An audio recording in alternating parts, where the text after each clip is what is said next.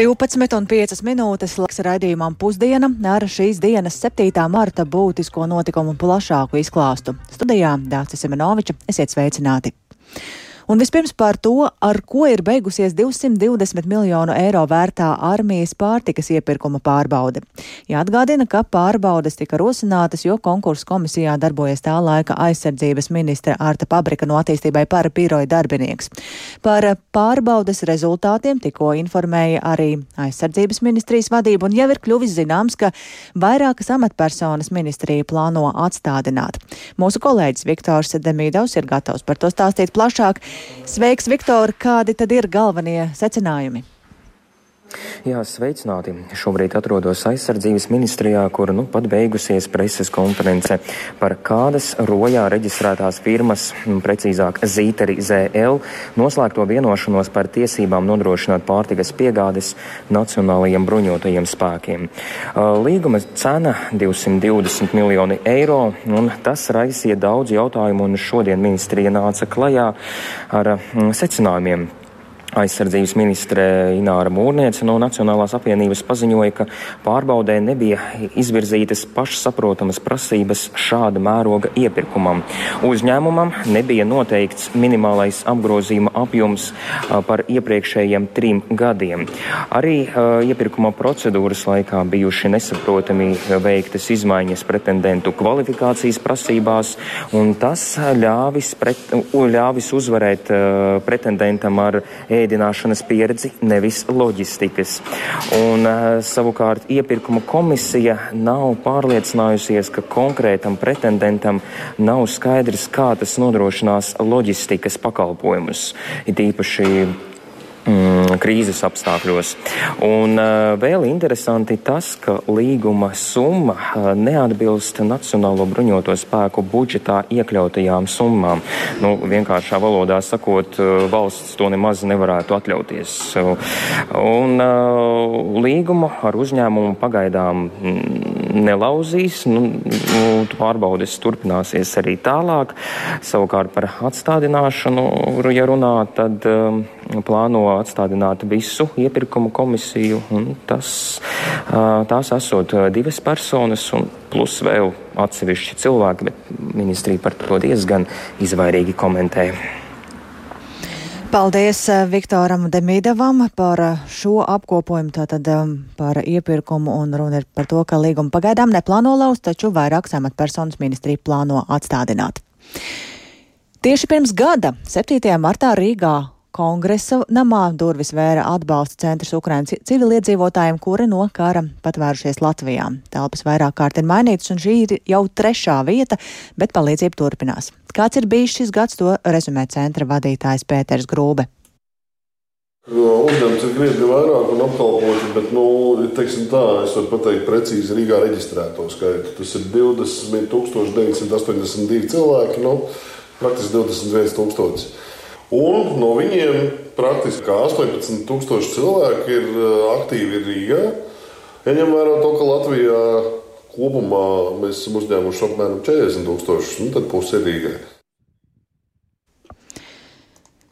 Par to plašāk arī raidījumā pēcpusdienā par šī centra darbību šajā gadā. Tikmēr Krievijas centieni ieņemt Donetskas apgabalā esošo Bahmutu neapsīkst. Turpinās apšaudas un turp sūta arvien jaunas iebrucēju grupas. Par to, cik liederīgi būtu par katru cenu aizsargāt pilsētu eksperti nereizi vien ir izteikuši šaubas, tomēr Ukrainas prezidenta biroja vadītāja padomnieks Mihailo Podiļaks uzsver, ka Bahmutas aizsardzība ir sasniegusi nospraustos mērķus un kļuvusi par Ukrainas armijas lielu strateģisku panākumu. Par notiekošo Ukrainas austrumos ir gatavs stāstīt Rihards Plūme, kurš um, šobrīd pievienojas tiešraidē. Sveiks, Riharda, kāda ir situācija Bahmutā un ko nozīmē šie podaļāk izteikumi? Jā, labdien uh, visiem! Un, nu, kaujas Bahmutā sasniegušas ir augstāko intensitāti, un Ukrainas armija cenšas novērst pilsētas ielenkšanu, kas gan tiesa nu, nākas, maigi sakot, diezgan grūti. Tas, ka Ukraiņi pilsētu varētu pamest, ir izskanējis vairāk kārt, tomēr tas joprojām nav izdarīts. Tā vietā Ukraina vēl vakar atbalstīja pilsētas aizsardzības nostiprināšanu.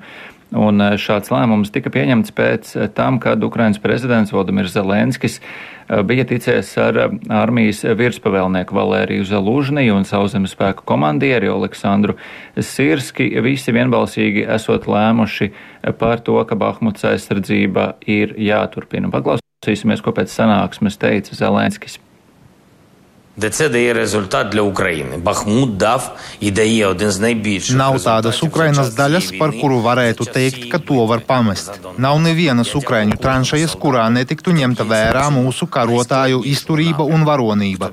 Bahmuta ir devusi un dot vienu no lielākajiem rezultātiem šī kara laikā, visas kaujas laikā par Donbasu. Kad pienāks laiks, mēs atbrīvosim katru mūsu valsts pilsētu un ciemu, un mēs prasīsim okupantu atbildību par katru šāvienu pret Ukrainu Україну, паркатру не лети, бо пред Україні за кожну підлість проти українців.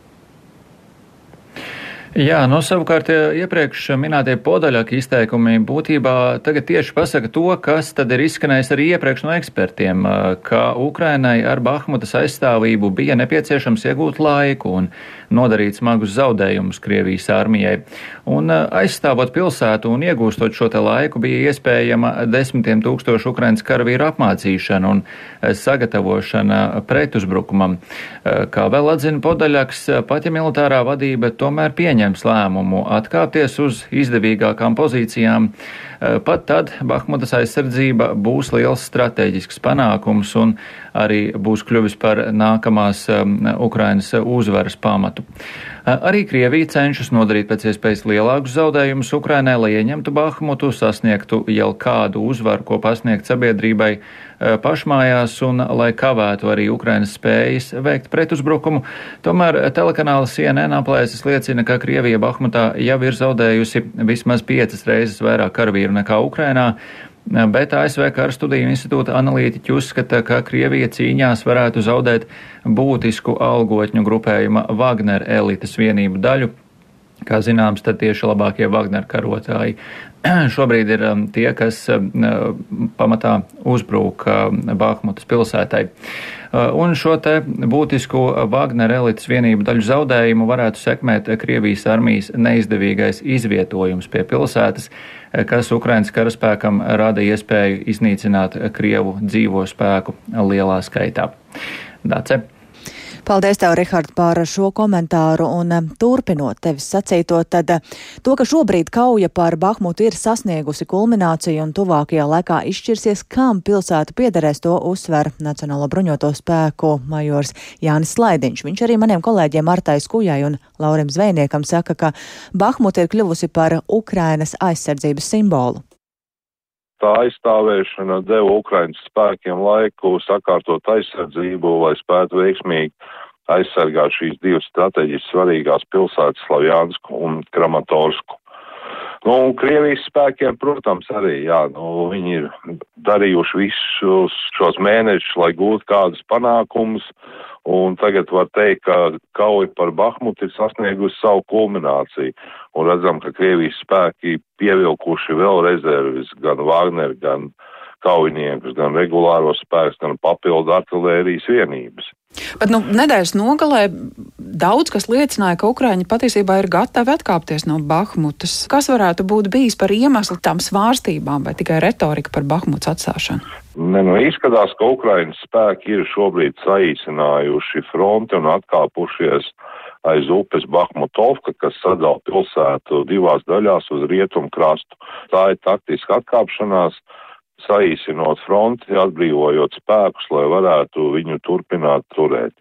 Turklāt pilsētas garnizonā ir veikta rotācija, un Ukrainas garnizons ir pastiprināts ar speciālu operāciju spēkiem, kuri specializējušies taisni kaujām pilsētu vidas apstākļos. Un Krievija redzam, ka galveno spiedienu izdara pilsētas ziemeļos un dienvidos, lai mēģinātu aplenkt viņu vai piespiest Ukraiņas spēkus vienkārši pilsētu atstāt. Šobrīd cīņas ir būtībā pa galvenajiem diviem apgādes ceļiem. Ja Ukrainas spēkiem viņas izdodas noturēt, tad pilsēta vēl varēs turēties, bet tik līdz šie apgādes ceļi būs pārgriezti, nu tad izskatās, ka, protams, būtu labāk pilsēta atstāt. Kā Krieviem ir ar uh, munīciju? Cik pamatotas ir tās runas, ka munīcijas trūkst, ka ir lādiņu deficīts? Es domāju, lai pārņemtu kontrolē Bahmutu, viņa munīciju atradīs.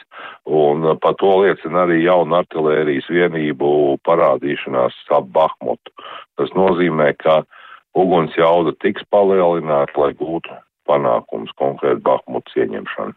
Rietumvalstu piegādātā militārā tehnika vai tā jau šobrīd parādās kaut kur frontē. Būsim pacietīgi un mēs šo tehniku redzēsim visticamāk, kad pienāks pavasaris, kad Ukraina varētu pārņemt iniciatīvu, kā tas bija pagājušā gada vasarā. Un kam sekoja septembra uzbrukums un Harkivas apgabala atbrīvošana. Visticamāk arī šāds scenārijs varētu atkārtoties uz pavasaru. Pašlaik Krievijas spēkiem pieder iniciatīva. Ja Ukraiņi noturēs šīs trīs Krievu uzbrukuma asis uz Limaņu, Bahmutu un Ukledaru, tad noteikti viņi varētu pārņemt iniciatīvu un veikt efektīvu pretuzbrukumu. Tā zemesardzes štāba virsnieks majors Jānis Slaidiņš par notiekošo Ukrainā. Tikmēr Polijā plašumā vēršas skandāls pēc opozīcijas politiķis pusauga dēla pašnāvības. Šādu soli viņš spēris, jo atklātībā nācis fakts, ka zēns savulaik cietis seksuālā uzbrukumā. Šo informāciju bija nopludinājuši valdībai simpatizējoši mēdīji, lai gan Polijas likumi aizliedz atklāt pedofilu upuru identitāti. Līdz ar to Polijas valdošā partija likums un taisnīgums un tās kontrolētie mediji izpēlē pelnījušies asu nosodījumu par to vairāk Ulda Ķesberi ierakstā.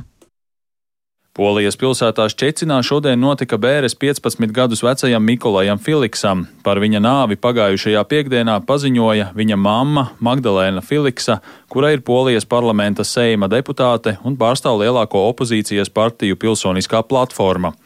Politiķe savā ierakstā sociālajos tīklos aicināja medijus cienīt viņas ģimenes privātumu un neierasties uz bērēm. Filiksa neminēja dēla nāves iemeslu, taču viss liecina, ka Mikolais, kuram rīt būtu 16. dzimšanas diena, izdarīja pašnāvību. Drīz pēc tam pētnieciskais žurnālists Radoslavs Gruts paziņoja, ka par Mikolaja Filiksa pašnāvību ir atbildīgs viņa kolēģis Tomašs Duklanovskis. Duklanovskis ir reportieris radiostacijā Radio Ščecin, kas pieder valsts finansētajam Polijas radio. Reportieris pērn decembrī ziņoja par kādu vietējo politiķi, kurš 2021. gadā bija notiesāts par seksuāliem uzbrukumiem un narkotiku došanu pusauģiem. Duklanovskis savā materiālā apgalvoja, ka notiesātais ir partijas pilsoniskā platforma biedrs, bet divi no pedofila upuriem bija atvases Polijas parlamenta loceklim, kas ir ievēlēts no Šķēcinas. Reportieris arī atklāja upuru vecumu. Lai gan Duklanovskis neminēja upuru vārdus, no atklātībā nonākušās informācijas varēja secināt, ka viens no pedofila upuriem bija Mikolais Filiks. Pēc Duklanovska materiāla publicēšanas valdošās Nacionāla konservatīvās partijas likums un taisnīgums politiķi apsūdzēja pilsonisko platformu centienos slēpt to, ka viņu biedrs ir notiesāts par pedofiliju. Turpretī tiesību eksperti un komentētāji norādīja, ka šī lieta nav izgaismota, lai aizsargātu pedofila upurus, nevis lai piesaktu pilsonisko platformu. Kopš Magdalēnas Filiksas paziņojuma par viņas dēla nāvi Polijas neatkarīgie mediji un opozīcijas politiķi ir vainojuši partiju likums un taisnīgums centienos atriepties tuvoties saviem politiskajiem konkurentiem, nerēķinoties ar sekām. Kritikas krustugunīs nonākušais žurnālists Duklanovskis kopš piekdienas neatbild uz telefona zvaniem un ēpasta vēstulēm. Savukārt radiostacijas Radio Šķecina vadītājs, kuru aicina atlaist žurnālistu, paziņojis, ka notikušais ir jāizmeklē varas iestādēm. Uldis Česberis, Latvijas radio.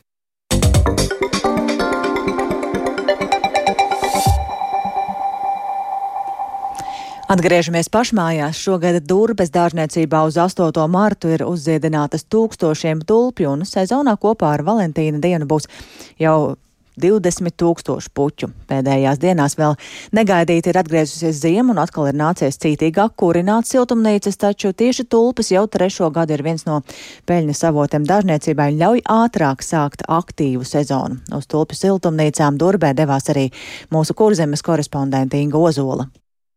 Šodienas sanāca iekšā viss tāds, vēl, vēl piekdienā pēdējā iekšā. Tad šī ir tieši trakākā nedēļas stādīšanas. Durbes dārzniecības siltumnīcā, kurā saimnieko Jānis Putra, jau gandrīz visas tulpes nogrieztas, lai jau 8. martā tās nonāktu sieviešu rokās. Palikušas vēl mazāk izplaukušās, ko iztirgos vēlāk, stāsta Jānis. Šogad nācies rēķināties arī ar cenu kāpumu. Sīpolim arī cena pieauga, kurināšanas izmaksas, viss, kas nākas klāt, ir tā visa. Un, un, un plus vēl tagad uznāca laika apstākļi jau vēsāk, vēl tie vēl papildus arī vēl. Iesāktā sezona bija tulpēm un pārgāja jau arī jau paralēli visas pārējās puķis. Tādēļ varbūt bišķi vieglāk ir, kad vismaz ja tulps sākās, tad zinu, ka tas ir starts jau pārējām puķiem arī pie reizes. Nu jā, mēs jau redzam, siltumnīca visa zaļo. Te jau viss kaut kas jau sāk augt. Begonijas, skatos jau. Jā, šodien tā kulminācija, kad tieši izstādīšana un reizēji tulpu griešana un fasēšana. Jāved prom ir viss puķis jau uz liepājas, tie, kas ir lieltirgotājiem. Pusē jāsagatavojās ir tieši 8. martam, jāsagatavojās, jāsakrāmē tā, lai pircējiem arī uz vietas būtu ko nopirkt un, un, un tā kā darīt ir ko. Jāņa Putras eksperimenti audzēt tulpes turpinās jau trešo gadu. Arī šogad nācies secināt, ka visas tulpes audzēt siltumnīcās nevarēs.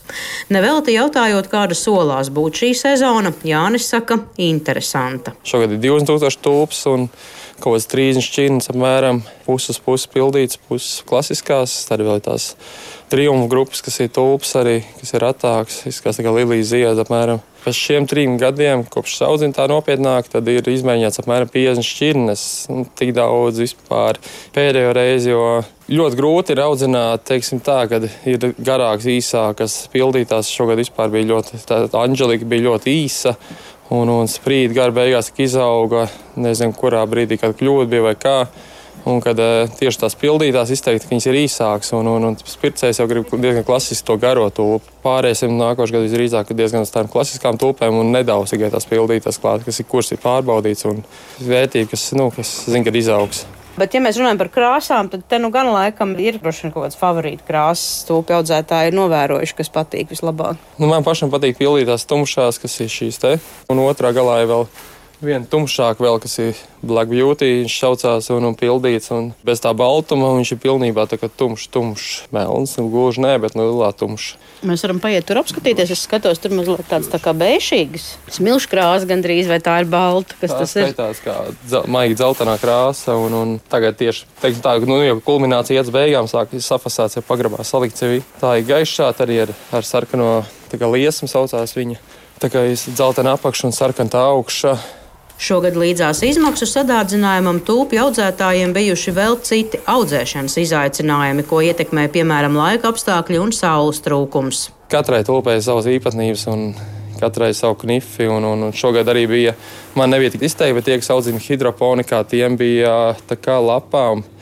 Viens slimība vai kaut kas cits pa gaisa mūsu apstākļiem bija. Tas raksturojums tāds, ka tas Baltijas apstākļiem saule pa maz un pa daudz liels mitrums telpā. Un tādēļ lapas veidoja tā tādu bojājumu, un, un tas bija izteikts tieši. Bet tie bija arī hidroponikā. Man vienā šķirnē parādījās, bet pazuda uzreiz. Hidroponika tas nozīmē, ka ūdenī audzēja. Ja? Jā, mēs šogad pirmo gadu patestējām trīs kastes. Nav no vaina. Nākošais gads jau 20% domāju, ka stādīšu hidroponikā.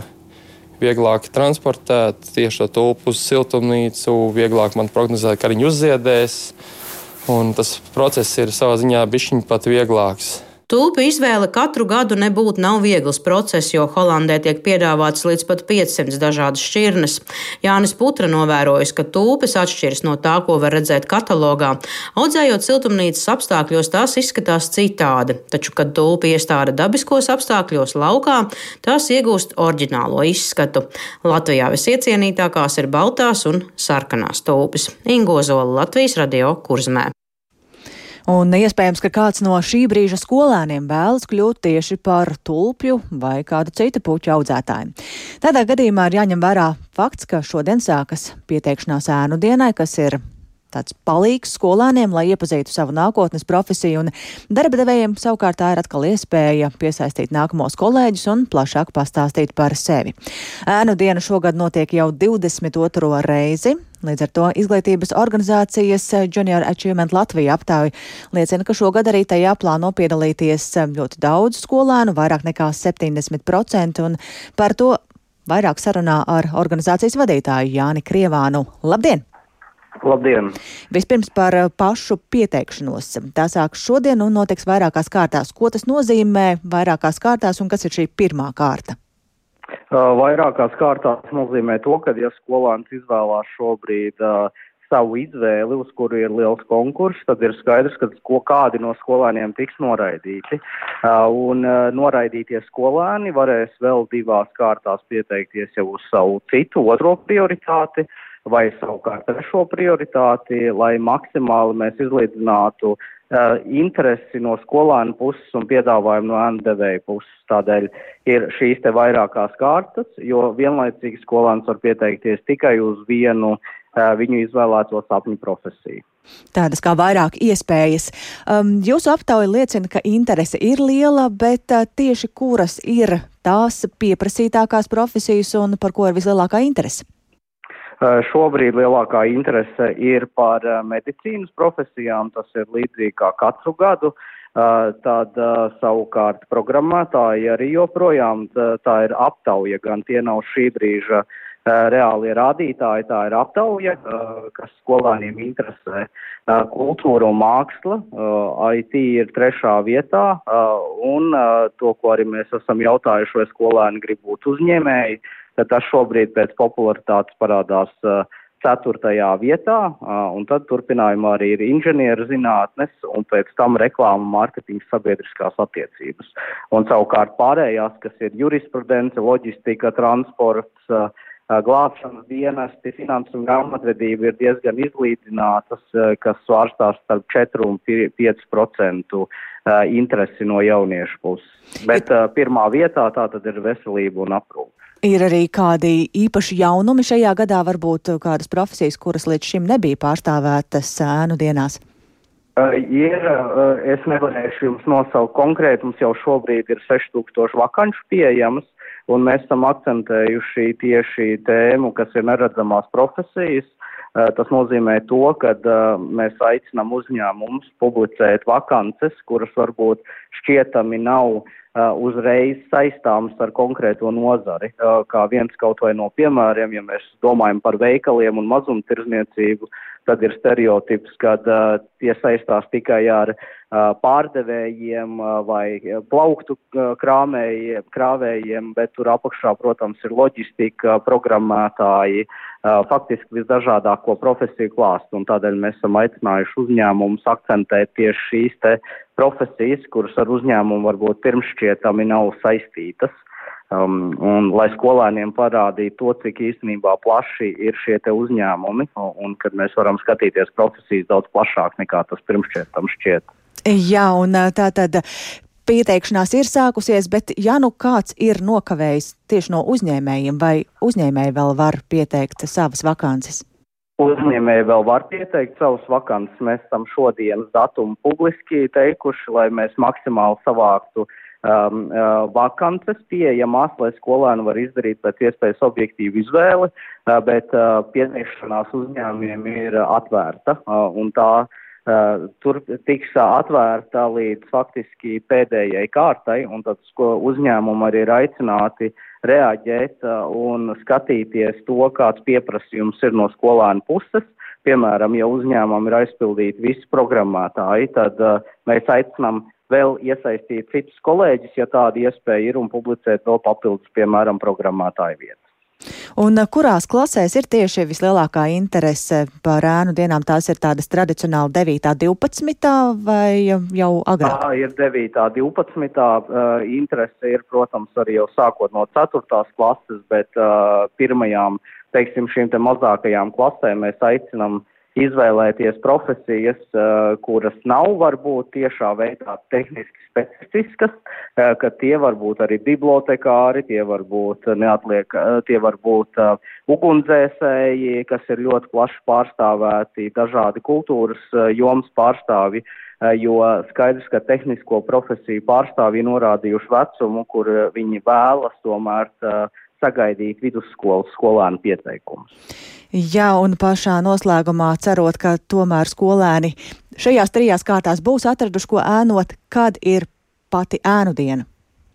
Ēnu diena ir 5. aprīlī šogad, un pieteikšanās ir līdz 28. februārim. Jā, paldies. Um, tas bija Jānis Krievāns no Junior Achievement Latvijā, un ar to arī izskan raidījums pusdiena. Producenta Ilza Agīnta ierakstus montēja Kaspars Groskops par labskaņu rūpējās Rīta Karnača un ar jums sarunājās Dācis Simenoviča. Yeah.